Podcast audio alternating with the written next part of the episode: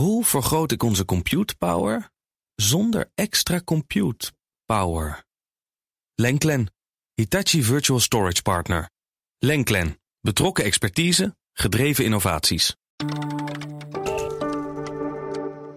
Sinds de komst van ChatGPT lijkt de hele wereld in de ban van kunstmatige intelligentie. Het is om gek van te worden. Big tech bedrijven waarschuwen dat de mensheid uitgeroeid kan worden door AI, terwijl zij zelf een heftige concurrentiestrijd met elkaar uitvechten. Dezelfde bedrijven zeggen namelijk ook dat AI de mensheid een glorieuze toekomst kan brengen.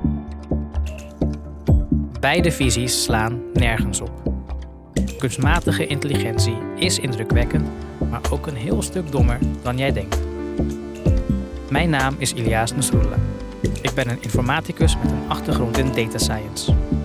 Deze podcast neem ik je mee in de wereld achter de chatvenster. Laat je niet langer misleiden door domme software die zich slim voordoet.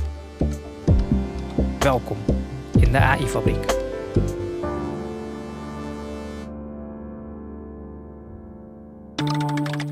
Een toekomst waarin we geen saai werk meer doen. Waarin we ons alleen nog bezighouden met dingen die er echt toe doen. En tegelijk nog productiever zijn. Dat is wat makers van generatieve AI als ChatGPT en Midjourney ons beloven.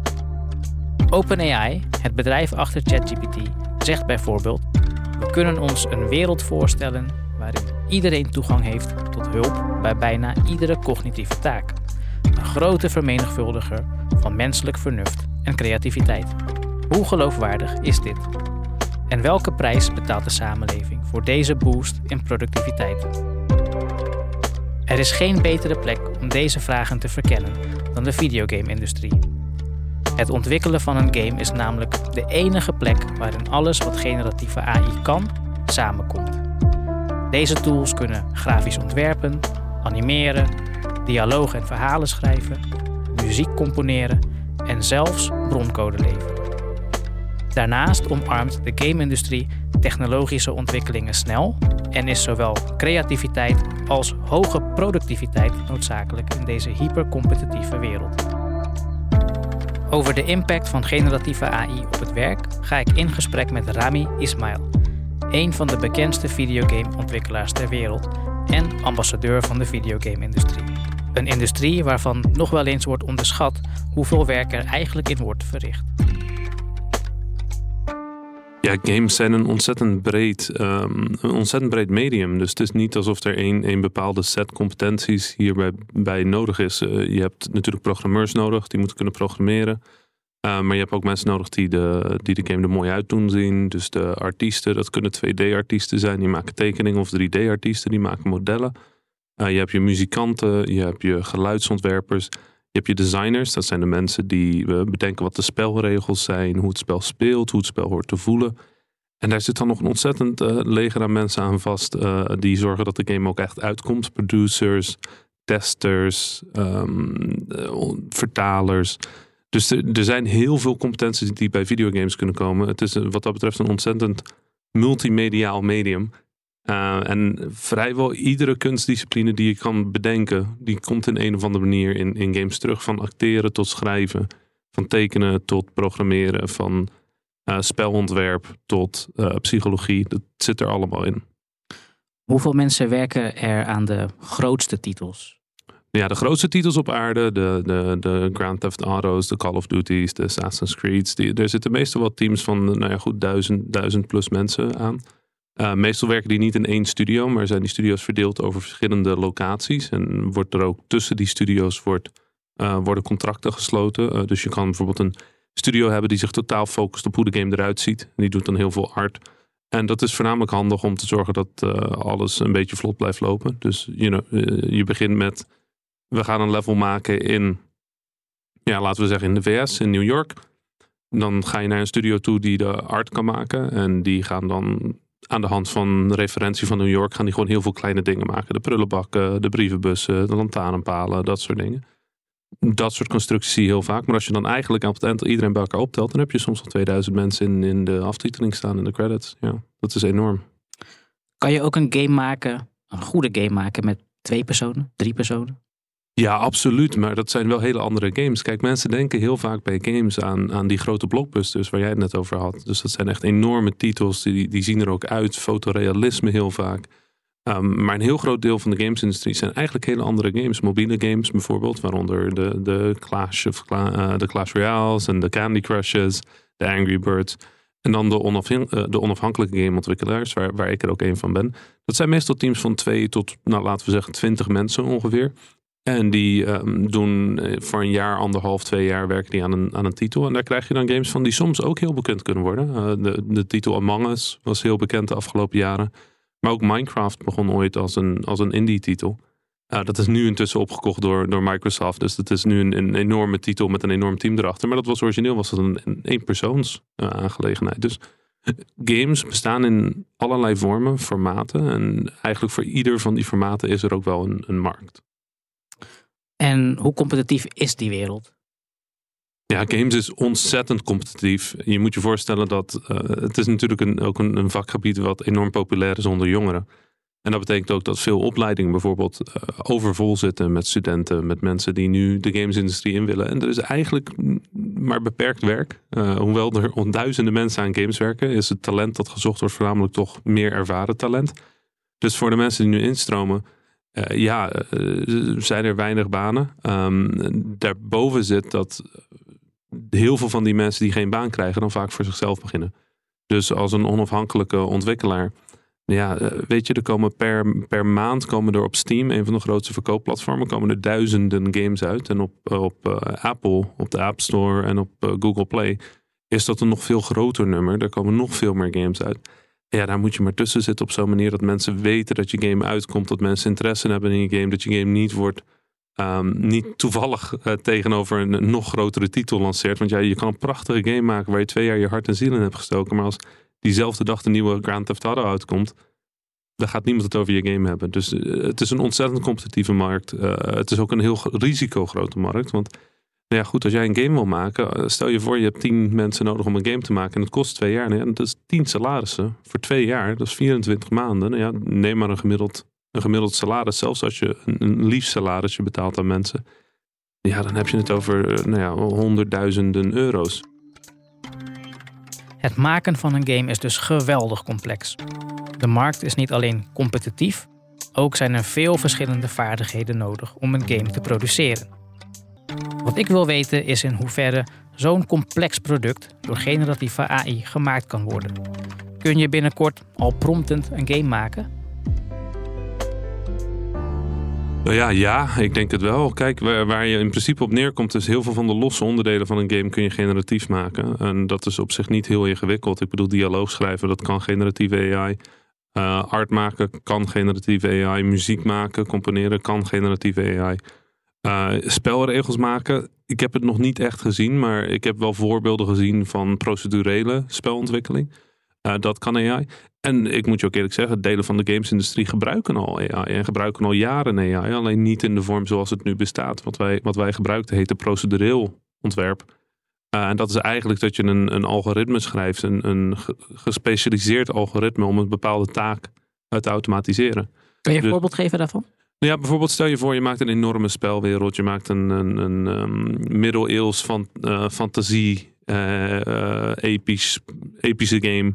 en je hebt daar een enorme wereld. Nou, dan kun je, tegen, kun je gaan zeggen van oké, wij gaan alle bomen handmatig plaatsen. En je moet je voorstellen, als je een game gaat maken, wat jij niet maakt, bestaat niet. Dus bomen bestaan niet uit zichzelf. Die, die groeien niet in de wereld die we maken. Die moeten wij plaatsen.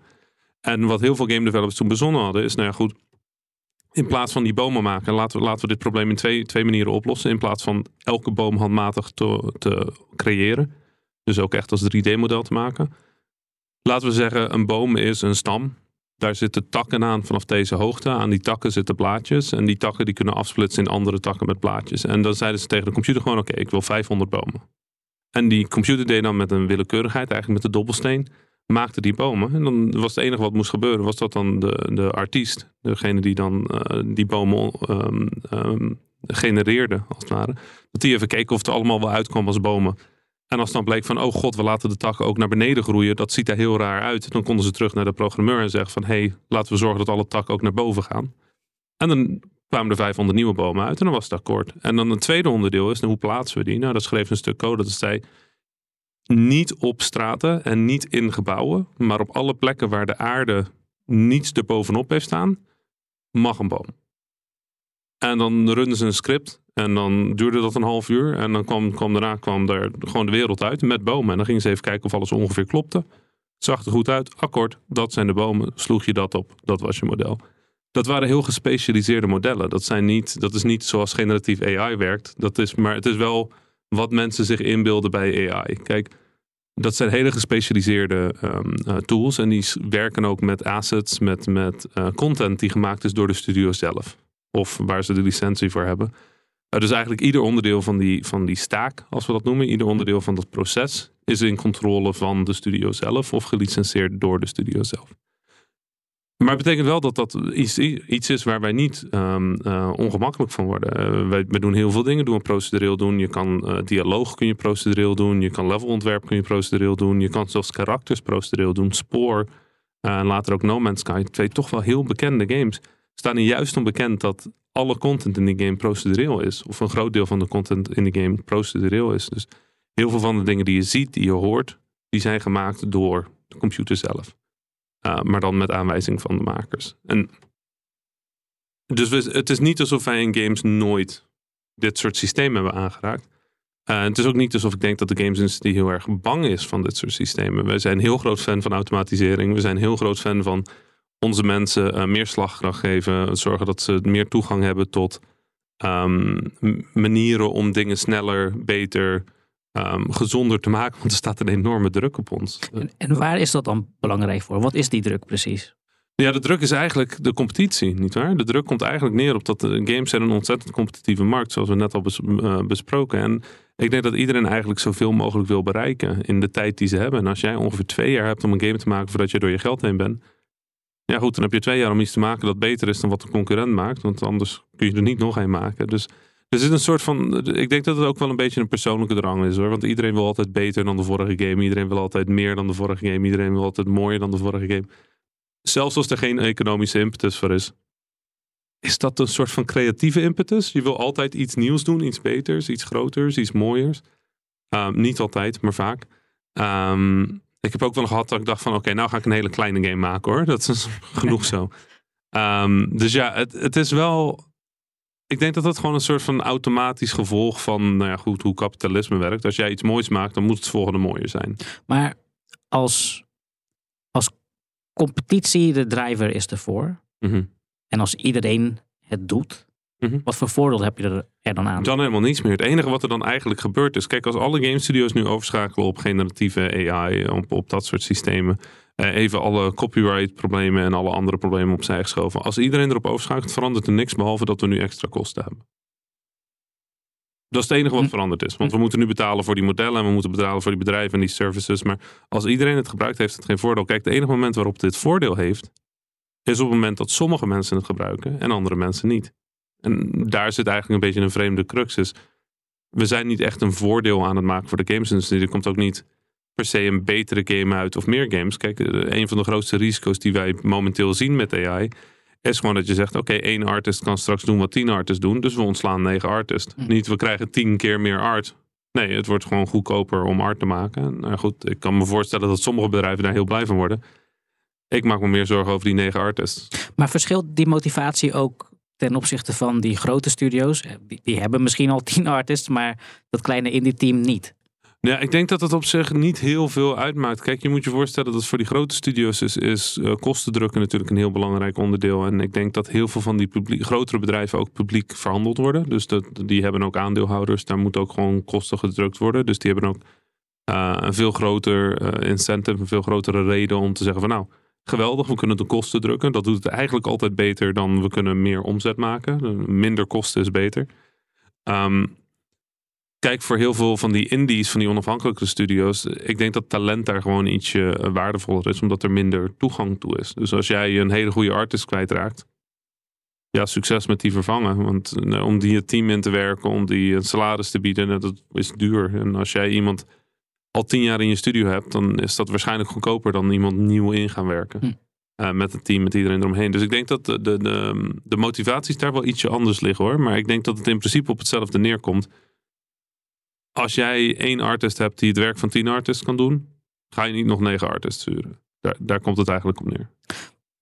En wat is het gevolg daarvan op de lange termijn voor de arbeidsmarkt? Hè? Dus dat, dat er nu misschien ontslagen vallen, dat begrijp ik. Maar wat betekent het voor het perspectief, carrièreperspectief bijvoorbeeld? Nou ja, het betekent een aantal dingen waar ik me best wel zorgen over maak, moet ik ook zeggen. Kijk, voor het carrièreperspectief. We hebben al hele vreemde carrièreperspectieven in de gamesindustrie. Want waar het nu in principe op neerkomt, is wat we het meeste nodig hebben, is um, ervaren talent. En het probleem met ervaren talent is dat de gamesindustrie best wel hard is naar, naar de mensen die in de industrie werken. En voornamelijk voor jonger talent. Dus wat wij de afgelopen tien jaar heel veel hebben gezien. Dan heb je het over crunch bijvoorbeeld? Ja, hebben we het over crunch. Dus wat je de afgelopen tien jaar heel erg hebt gezien is dat veel studio's hun uh, jonge talent eigenlijk kapot werken. Als een soort van wegwerpbaar, uh, nou ja, goed, uh, voer bijna. want er zijn toch wel anderen die dat werk kunnen overnemen. Dus voor, voor dat soort werk waar ik het eerder al over had Ehm, voor dat soort werk waarbij mensen gewoon kleine dingetjes moeten maken. Een glaasje moeten maken, een boompje moeten maken, een bosje moeten maken.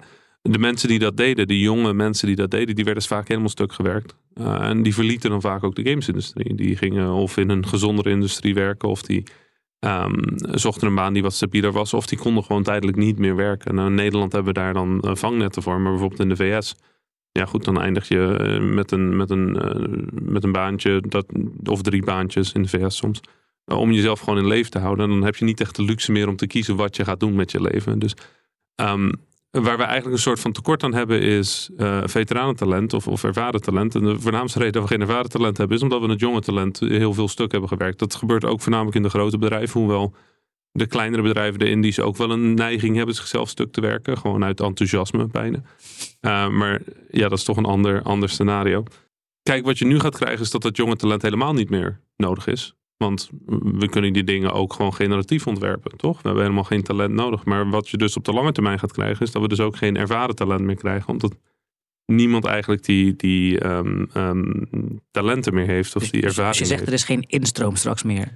Nee, er is, geen instroom, er is geen instroom meer mogelijk, want er is geen instroom meer nodig. En een van de dingen die ik de afgelopen tien jaar wel heb geleerd, uh, zeker in dit soort grote uh, corporate systemen, is dat als er geen nood is, dat er ook niks aan gedaan wordt. En dat er eigenlijk pas na, op het moment dat een probleem wordt, wordt gekeken hoe lossen we dat probleem op. Maar ja, om van iemand een, een ervaren gameontwikkelaar te maken, heb je gewoon twee of drie commerciële titels nodig. Om, om echt te zien hoe een game ontwikkeld wordt.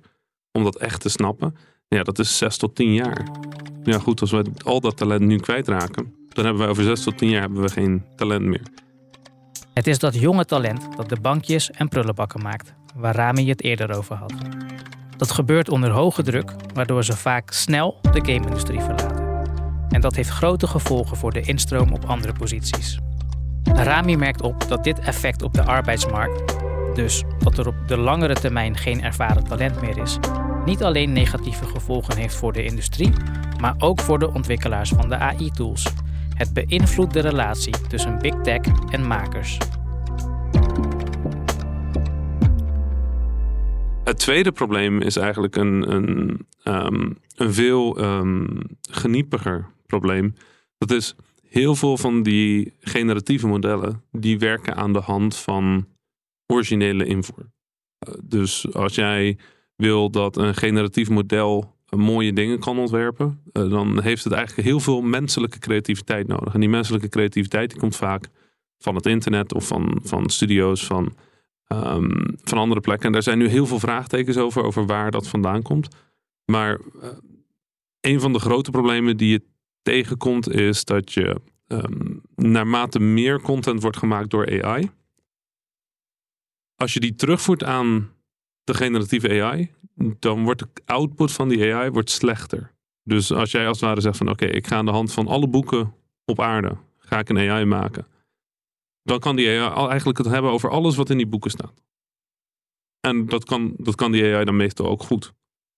Maar als daardoor alle schrijvers straks geen werk meer hebben, dan kan de AI eigenlijk alleen nog maar leren van wat de AI zelf heeft gegenereerd. En als de AI dat nog een keer doet, maar nu met alles wat de AI heeft gegenereerd, dan wordt op een of andere manier wordt wat de AI genereert, wordt kwalitatief slechter. Het gaat fouten vertonen, omdat de AI zelf niet weet wat juist is en wat niet. Dat is, dat is waar het menselijke deel van AI zo belangrijk voor is. Om te zorgen dat er een, een continue toevoer is van kloppende en juiste informatie. Ik, las ook een, een detail dat bijvoorbeeld Wikipedia-artikelen zeven keer zwaarder werden geregeld dan willekeurige artikelen op het internet. Omdat Wikipedia-artikelen zoveel worden gecontroleerd op juistheid. En ook publiekelijk wordt gecontroleerd op juistheid. Dat, dat ze ervan uit konden gaan dat dat klopte. Dat dat kwalitatieve content was. Maar zodra, als ware op Wikipedia nu dingen vervangen worden door teksten die geschreven worden door AI. Als je dan nog een keer Wikipedia gebruikt om die AI te trainen. Of je zegt van oké, de update van Wikipedia om AI te trainen. Dan wordt de AI dus slechter in het genereren van dingen. Dit fenomeen heet model collapse. Er is geen oplossing bekend voor dit probleem, omdat het een wiskundige eigenschap van de technologie zelf is. Eén expert legt het uit als water blijven schenken in een glas waar al suikerwater in zat. Het glas raakt wel voller, maar tegelijk wordt het drankje steeds minder zoet. Door AI gegenereerde content, synthetische content, bevat in deze analogie geen suiker geen wezenlijk nieuwe informatie of ideeën die nodig zijn om generatieve AI te verbeteren. Het blijkt dat alleen mensen in staat zijn om die wezenlijk nieuwe informatie te creëren. Dit maakt de AI-partijen afhankelijk van de menselijke vaardigheden die zij proberen te vervangen. En dat is een idee dat eigenlijk vrij nieuw is, maar het komt er in principe op neer dat hoe meer content in de in de um, trainingsdatabase van de AI door AI is gegenereerd, hoe slechter de AI eigenlijk gaat werken. En, en wat je dus eigenlijk zegt is dat die tools afhankelijk zijn van de mensen die het vervangt. Dus je krijgt een hele rare, je krijgt een hele rare vicieuze cirkel die eigenlijk steeds gevaarlijker wordt, waarbij omdat AI er is, er minder mensen originele content moeten maken. Omdat er minder mensen originele content maken, de AI een groter aandeel heeft van de trainingsset. En omdat de AI een groter aandeel heeft van de trainingsset, de AI slechter wordt in het maken van nieuwe content. En die loop die gaat door totdat er uiteindelijk alleen nog maar troep uitkomt. En in die zin is het denk ik ook misschien onbeschoft dat een bedrijf als Google uh, recent in Australië een positie heeft ingenomen tegenover de overheid daar, waar zij zeggen: Wij vinden dat de wet op auteursrecht anders moet. Het moet toegestaan worden dat wij alles van het internet schrapen, ook uh, auteursrechtelijk beschermd materiaal, en dat gebruiken voor het trainen van onze generatieve AI-tools. Ja, nou ja, weet je, het is onbeschoft. Het is ook de enige manier waarop ze dit kunnen laten werken. Kijk, ze, lopen eigenlijk tegen een hele vreemde situatie aan met auteursrecht. Namelijk, auteursrecht heeft een, heeft een aantal eigenschappen. En we kunnen een lange discussie hebben over waar auteursrecht al dan niet goed voor is. Maar auteursrecht komt in principe neer dat alles wat door een mens gemaakt werd, wordt auteursrechtelijke bescherming heeft op een manier. En um, sommig, sommig auteursrecht is automatisch, veel auteursrecht is automatisch, in ieder geval in, Europa hier. Maar ook wereldwijd wordt veel auteursrecht gewoon uh, toegekend op het moment dat het gemaakt wordt. Um, daar kun je extra beschermingen voor hebben. Maar in principe komt erop neer dat als ik iets maak dat Google niet automatisch het recht heeft om wat ik maak te gebruiken in hun producten. En waar um, dat een beetje ingewikkeld wordt, is eigenlijk de Amerikaanse wet. Daar hebben ze een, een clausule die heet fair use. En mhm. in principe waar het op neerkomt, is dat als je um, duidelijk kan maken dat de manier waarop je het werk gebruikt transformatief is, noemen ze dat. Ehm, dat je het gewoon mag gebruiken. Of het nou auteursrechtelijk beschermd is of niet. En dat is een, een hele ingewikkelde clausule, want het is ook een belangrijke clausule. Het zorgt ervoor dat je favoriete YouTuber bijvoorbeeld het kan hebben over een film met beelden van de film. Of dat mensen kunnen praten over muziek met stukjes uit de muziek. Uh, dat, dat, is een vrij belangrijke regelgeving waar, waar ook echt nut voor is. Maar waar, het, waar we nu een beetje op vastlopen, is eigenlijk twee onderdelen van auteursrecht. A. Mag een AI auteursrechtelijke beschermde informatie gebruiken als onderdeel van wat zij doen. En daarmee dus ook, is er bescherming voor artiesten, schrijvers, kunstenaars, makers, programmeurs, weet ik veel wat. Eigenlijk vrijwel iedere doelgroep op aarde. Ehm, is er bescherming voor die mensen om te zorgen dat hun werk niet tegen hun wil gebruikt wordt voor het trainen van producten die dan, uh, nou ja, goed, winstgevend worden gemaakt door grote bedrijven. En de tweede vraag is, wie bezit nou eigenlijk het auteursrecht van de dingen die door AI gemaakt worden. Is dat auteursrecht van de AI? Dat is geen mens. Is het auteursrecht van het bedrijf die de AI schrijft? Dat is een bedrijf. Is het, uh, het eindresultaat auteursrechtelijk beschermd door degene die de prompt intypt? Of door de, de, de werkgever van degene die de prompt intypt? Of van wie is het eigenlijk? En dat is ook een vraag waar we nog niet helemaal uit zijn. Dus eigenlijk is het nu een, gewoon oprecht een enorme bende. Wij weten het oprecht niet. Uh, en dat, dat maakt het ook wel heel gevaarlijk op het ogenblik. Want eigenlijk werkt iedereen dus in een soort van legaal vacuüm. En dat hebben we eerder gezien met de Ubers en met de Facebooks. En eigenlijk heel veel grote bedrijven die toch wel heel veel verandering in de wereld hebben teweeggebracht. En niet altijd positieve verandering. Zien we dat eigenlijk nu weer. Uh, dat er eigenlijk wordt gezegd van nou, we lossen het wel op als we er zijn. Maar als we het groot genoeg kunnen maken dat genoeg mensen ervan afhankelijk zijn. Op het moment dat die wetgeving wordt doorgevoerd. Dan heb je grote kans dat de wetgeving in ons voordeel uitpakt. Ja, onlangs stond er een artikel in The Atlantic. Geschreven door een informaticus, Alex Reisner. En hij had onderzocht dat uh, wat voor data wordt er eigenlijk gebruikt door bedrijven. En mm hij had een dataset gevonden, die heette Books 3. Ja. En daar zat, uh, zaten 170.000 gepubliceerde boeken in van bekende auteurs als Haruki Murakami, van grote uitgeverijen als, als HarperCollins. En, en Reisner schreef de, de door AI beloofde toekomst wordt geschreven met gestolen woorden. Ja. Hij noemt het dus diefstal. Ben je het ermee eens? Ja, ik denk wel dat je dat absoluut als diefstal moet mogen, moet mogen noemen. Ik bedoel, een, een argument dat je heel vaak hoort is dat creativiteit in mensen eigenlijk heel vergelijkbaar werkt met hoe dat werkt in AI. En kijk, eh, het is heel moeilijk te argumenteren dat als ik een boek lees en dan iets anders schrijf, dat ik dan aan het stelen ben. Dat, dat, dat zou eigenlijk de hele wereld doen instorten als, als iedere inspiratie wordt gezien als diefstal. Maar ik denk dat er wel een heel groot en heel definieerbaar verschil is met AI. Is dat ik, ik heb dat boek niet op een of andere manier opgeslagen. Ik verwerk dat boek niet op een of andere manier. Ik gebruik geen uh, verwerking van dat boek op een of andere manier. Het enige wat gebeurt is, het zit in mijn hoofd. En het wordt op een of andere manier gecombineerd met. Het zit waarschijnlijk Bovendien las je geen 170.000 boeken. Nou ja, niet alleen dat. Eh, bovendien zit het boek ook niet juist in mijn hoofd. Ik bedoel, menselijk geheugen is ontzettend faalbaar. Dus ja, er zitten stukjes van het boek in mijn hoofd. Maar als je mij nu vraagt wat ik denk van nou ja, het stuk in Harry Potter 3. Uh, eh, met, met, ik weet niet eens meer hoe het beest heet op het tent. Weet je, er, er, zit een heel belangrijke scène met dat ene beest. En dat is een heel belangrijk deel van het boek. En ik herinner me dat dat stuk er is, maar ik heb geen flauw idee meer hoe het beest heet. Het had vleugels. Het was een paard of zo.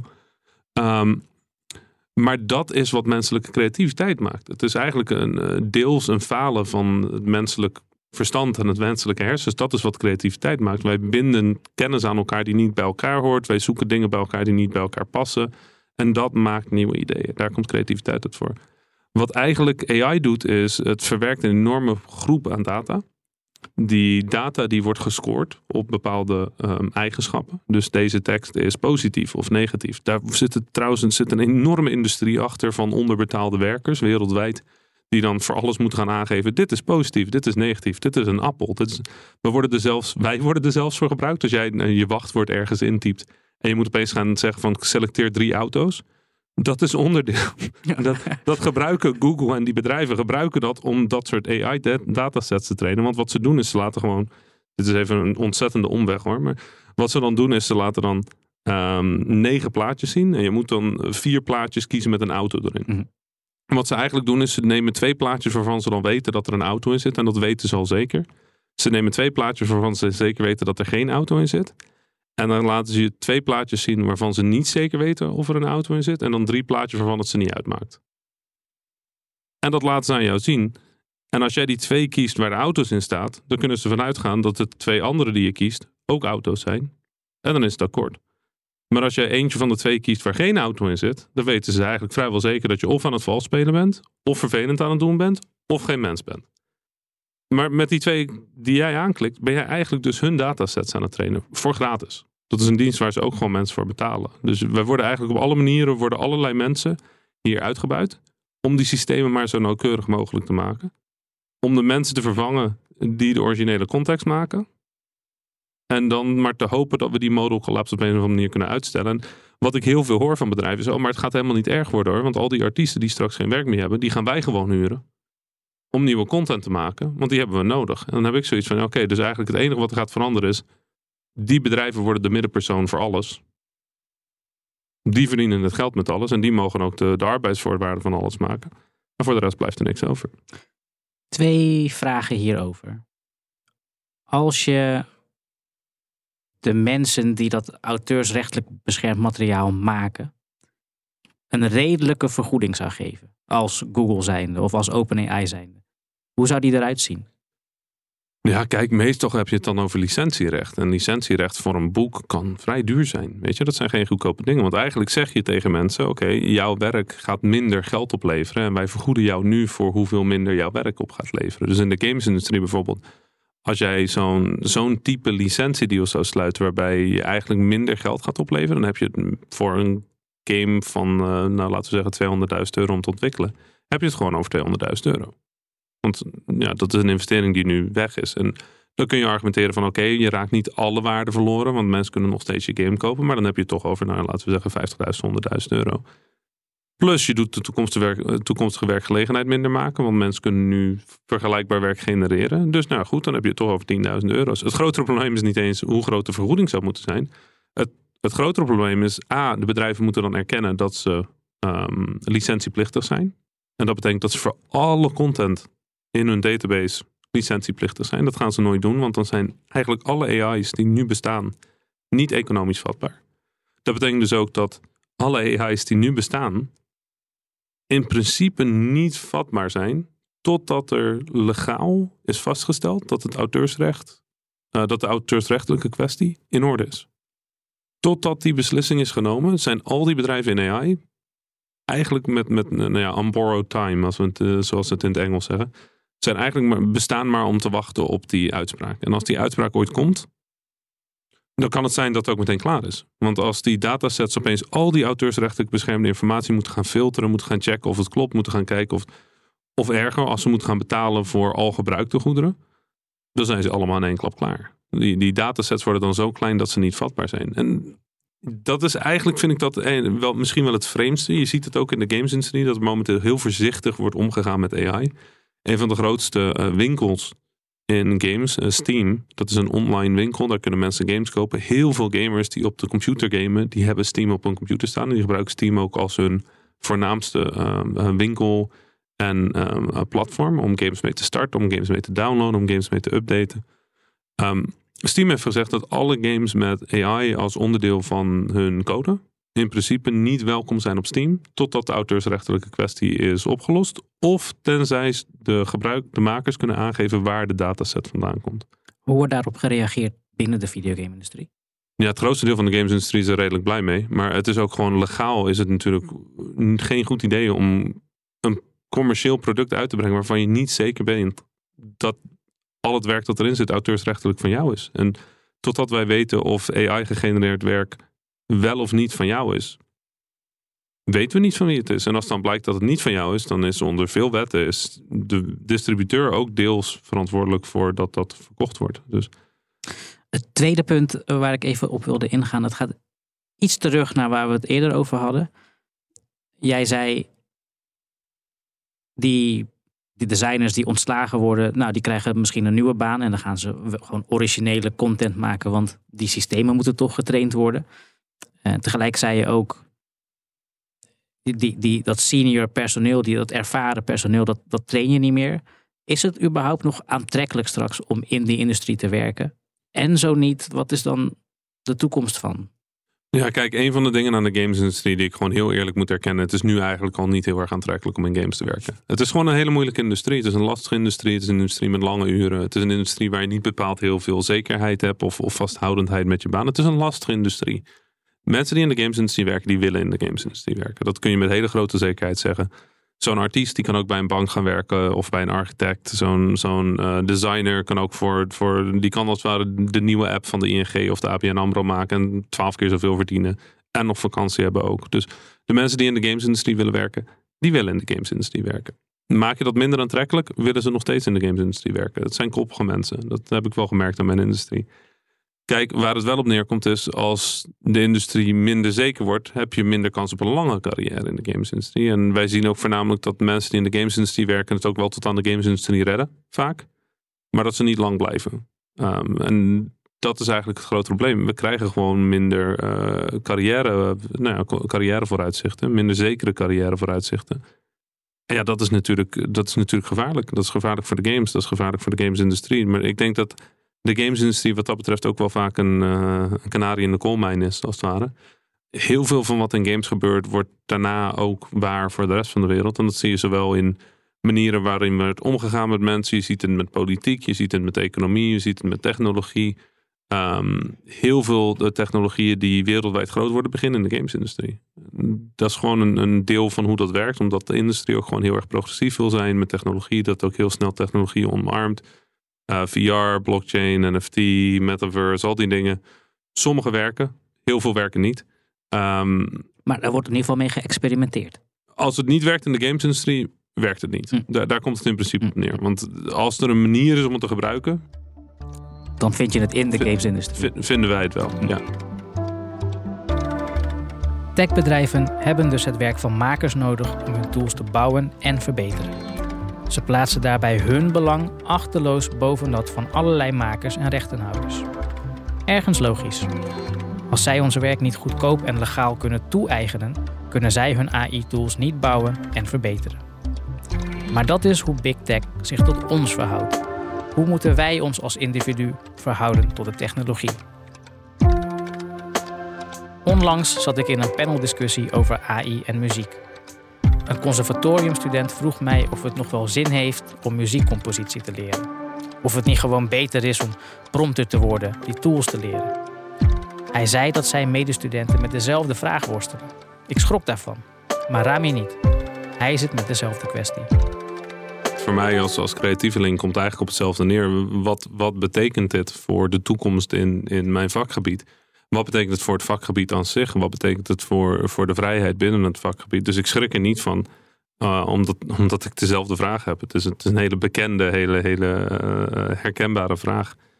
Kijk, waar, waar ik nu zit is totdat wij wel of niet zien hoe die auteursrechtelijke kwestie opgelost wordt, weten we niet hoe AI gaat lopen. En als die auteursrechtelijke kwestie op een manier wordt afgesloten waarin mensen recht hebben op het beschermen van hun eigen werk, waar ik eh, op, in, de, in de Europese Unie in ieder geval hoop op heb, ehm, dat ons werk wordt beschermd, dat ons werk niet zomaar gebruikt mag worden, dan denk ik dat er absoluut toekomst is voor, voor veel van deze vakgebieden. En ik denk dat als dat niet het geval is, dat er nog steeds wel ruimte gaat zijn voor uh, componisten, als het ware. Maar dat het werk gewoon aanzienlijk minder interessant gaat worden. Want je gaat geen componist, je gaat niet componeren voor een film of een, een um, toneelstuk of een game. Je gaat componeren voor een bedrijf die dan zegt van oké, we hebben iets nodig dat zonnig is. Dat zonnig klinkt, 2 minuten 30 is. En nou ja, goed, dat, dat. En waar het voor is, is om te zorgen dat andere mensen, als in de AI intypen ik wil zonnige muziek, dat de AI ongeveer het patroon snapt van wat zonnige muziek is. Dus jouw muziek wordt niet eens gebruikt uiteindelijk. Het wordt alleen verwerkt. Ja, dat zou erg droevig zijn. Ik denk dat veel mensen toch dingen maken in de hoop dat mensen er een gevoel bij hebben. Dat, dat, dat er een connectie wordt gemaakt met degene die luistert of kijkt of speelt of leest. Uh, daarom doe je dingen. Ik bedoel, dat is waarom je een podcast maakt. Dus zodat mensen. Kijk, als wij deze podcast nu zaten op te nemen, zodat een AI het zou kunnen verwerken. Dan zouden we het niet doen. Ja, dat is niet heel erg boeiend. Dat is niet heel erg de moeite waard. Dus uh, ik denk dat, dat het daar eigenlijk een beetje op neerkomt. Is ja, er gaat nog steeds werk zijn in muziek. Ik denk sowieso dat muziek leren prachtig is. Ik vind het een prachtig medium. Ja, of je er een baan in gaat kunnen vinden, ja, dat hangt deels af van hoe en welke baan je kan vinden. Dat gaat deel afhangen van wat er nu gebruik, wat er nu gezegd gaat worden in, in ja, de regelgeving. Je hebt het nu heel erg gehangen, hè, de toekomst van generatieve AI op het auteursrecht. Maar misschien een meer principiële vraag. Moet je het überhaupt willen? Moeten we deze vraag proberen te beantwoorden? Of moeten we gewoon zeggen, ja, het is gewoon onwenselijk. Het is gewoon onwenselijk, stop ermee, verbied het. Ja, eigenlijk wel. Maar ja, goed, er zijn heel veel dingen die onwenselijk zijn en die doen we toch, want ja, zo werkt de wereld. Ik kan me voorstellen dat heel veel mensen die niet de, de tijd of het geld of de ruimte in hun leven hebben gehad om bijvoorbeeld een muzikant te worden, dat die hier naar kijken en denken, dit is prachtig. Ik kan muziek maken. Ehm, en ik kan me voorstellen dat dat een ontzettend fijn gevoel is voor mensen. Uh, of hou je jezelf voor de gek? Een beetje, maar eh, kijk, dat, dat is ook zo'n vraag die ik, die ik dan weer lastig vind. Want ik bedoel, ik ben een gamemaker. Ik ben een programmeur. Maar als ik zou moeten programmeren op processorniveau, zou mij dat niet lukken. Dat heb ik nooit geleerd. Ik heb geleerd programmeren met allemaal tools en hulpmiddelen die ervoor zorgen dat ik makkelijk kan programmeren. En dat zijn tools die heten Unity of Unreal of GameMaker of weet ik veel wat. Dat zijn tools die wij kopen. Dat zijn gemaakte tools, die zijn door mensen gemaakt, die zijn door mensenhanden in elkaar gezet. En daar zitten menselijke designers aan, daar zitten menselijke programmeurs aan vast. Die kopen wij, die gebruiken wij. Um, maar, maar, er is een verschil tussen een, een hamer kopen en een vogelhuisje kopen, toch? ja, er is een verschil tussen een hamer kopen en een vogelhuisje kopen. Maar omdat AI nog steeds, en dit is wel een van de grote argumenten die AI maakt over de auteursrechten kwestie. Kijk, wat er uit AI komt, wordt bepaald door wat jij erin typt. Dus zij zeggen eigenlijk, het is gewoon een hele coole hamer die gewoon het hele vogelhuisje voor je bouwt. Um, en je kan de hamer gewoon heel vaak gebruiken totdat je het goede vogelhuisje hebt, als het. Dat is het argument. Kijk, het is niet hetzelfde. Een muziekstuk maken en een muziekstuk genereren zijn twee heel verschillende dingen. Maar de uitkomst ervan is voor veel mensen die nooit de ruimte hebben gehad om muziek te leren. En daar was ik er één van, tot vrij recentelijk. Ik ben niet opgegroeid met piano in huis of met het geld voor, voor muzieklessen. Ik heb ooit een keertje Fruity Loops gedownload toen ik 16 was of zo. En dat was dan zo'n programma waar je makkelijk muziek, dus, uh, muziekjes mee kon maken. Maar dat klonk ook niet echt geweldig. Maar ik kan nu in één zin kan ik een muzieknummer maken. Ben ik nou een muzikant? Nee, ik denk het niet. Heb ik muziek gemaakt? Ongeveer, denk ik. Heb ik een muziekstuk waarvan ik kan zeggen: dit is onderdeel van, van iets dat door mij bestaat? Ja. Dat is een ingewikkelde vraag. Kijk, aan de andere kant, de mensen die dus de dingen maken die de AI nodig heeft om dingen te genereren. Voor hen is dit gewoon, nou ja, goed, van, van cruciaal belang. Het is de mogelijkheid om de dingen te doen waar ze gepassioneerd over zijn, maar ook de manier, de, de dingen waar zij hun hele leven aan hebben besteed. Voor hen is dit gewoon, nou ja, goed, van, van cruciaal belang. Het is de mogelijkheid om de dingen te doen waar ze gepassioneerd over zijn, maar ook de manier, de, de dingen waar zij hun hele leven aan hebben besteed om, om goed in te worden. Kijk, voor mij als gamemaker ik ben begonnen met games maken toen ik zes ben.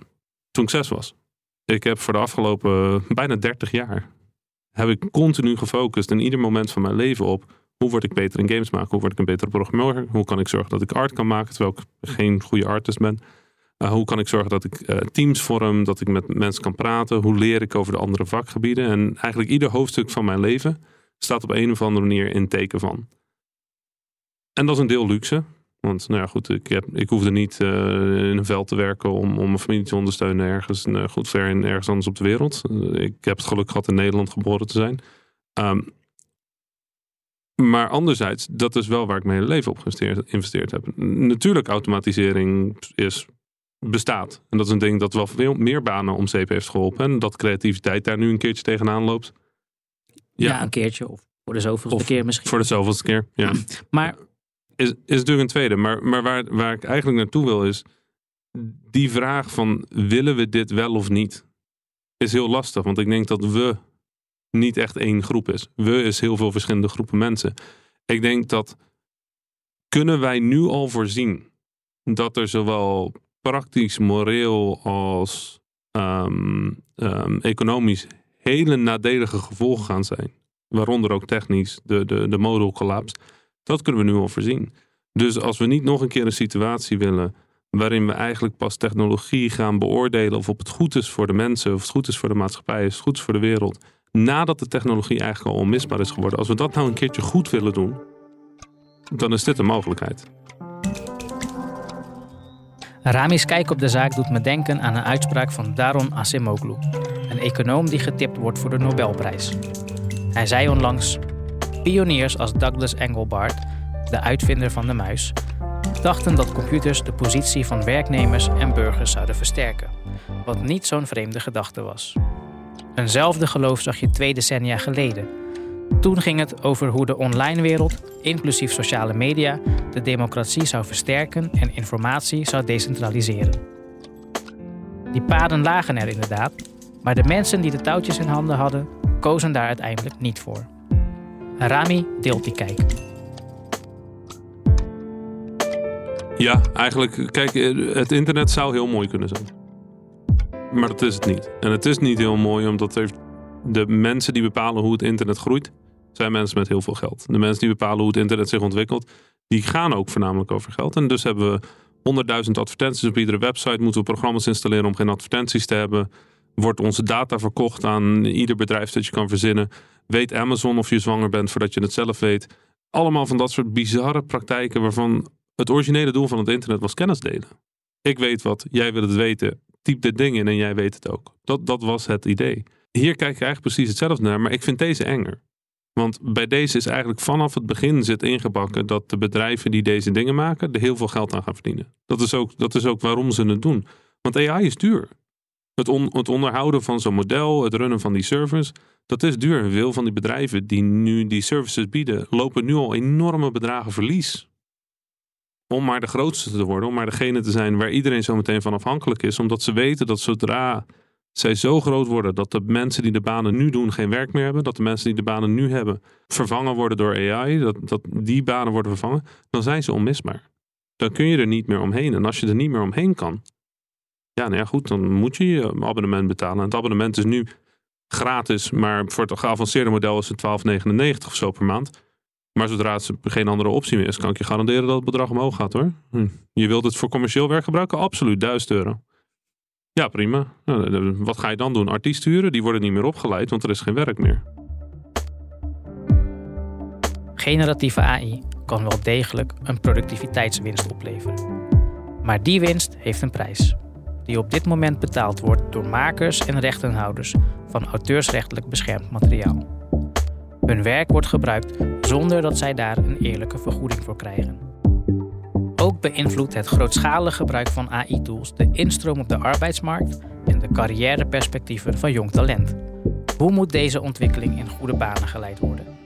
Alleen nieuwe wetgeving lijkt een uitkomst te kunnen bieden. Het laat zien dat AI een technologie is met grote maatschappelijke gevolgen.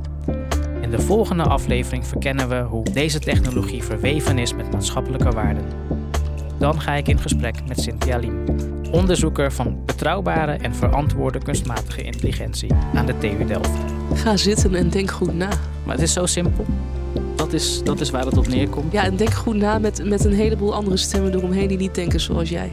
Dat gaat je vertragen. Dat maakt je minder efficiënt. Maar je gaat er wel een beter beleid op kunnen voeren.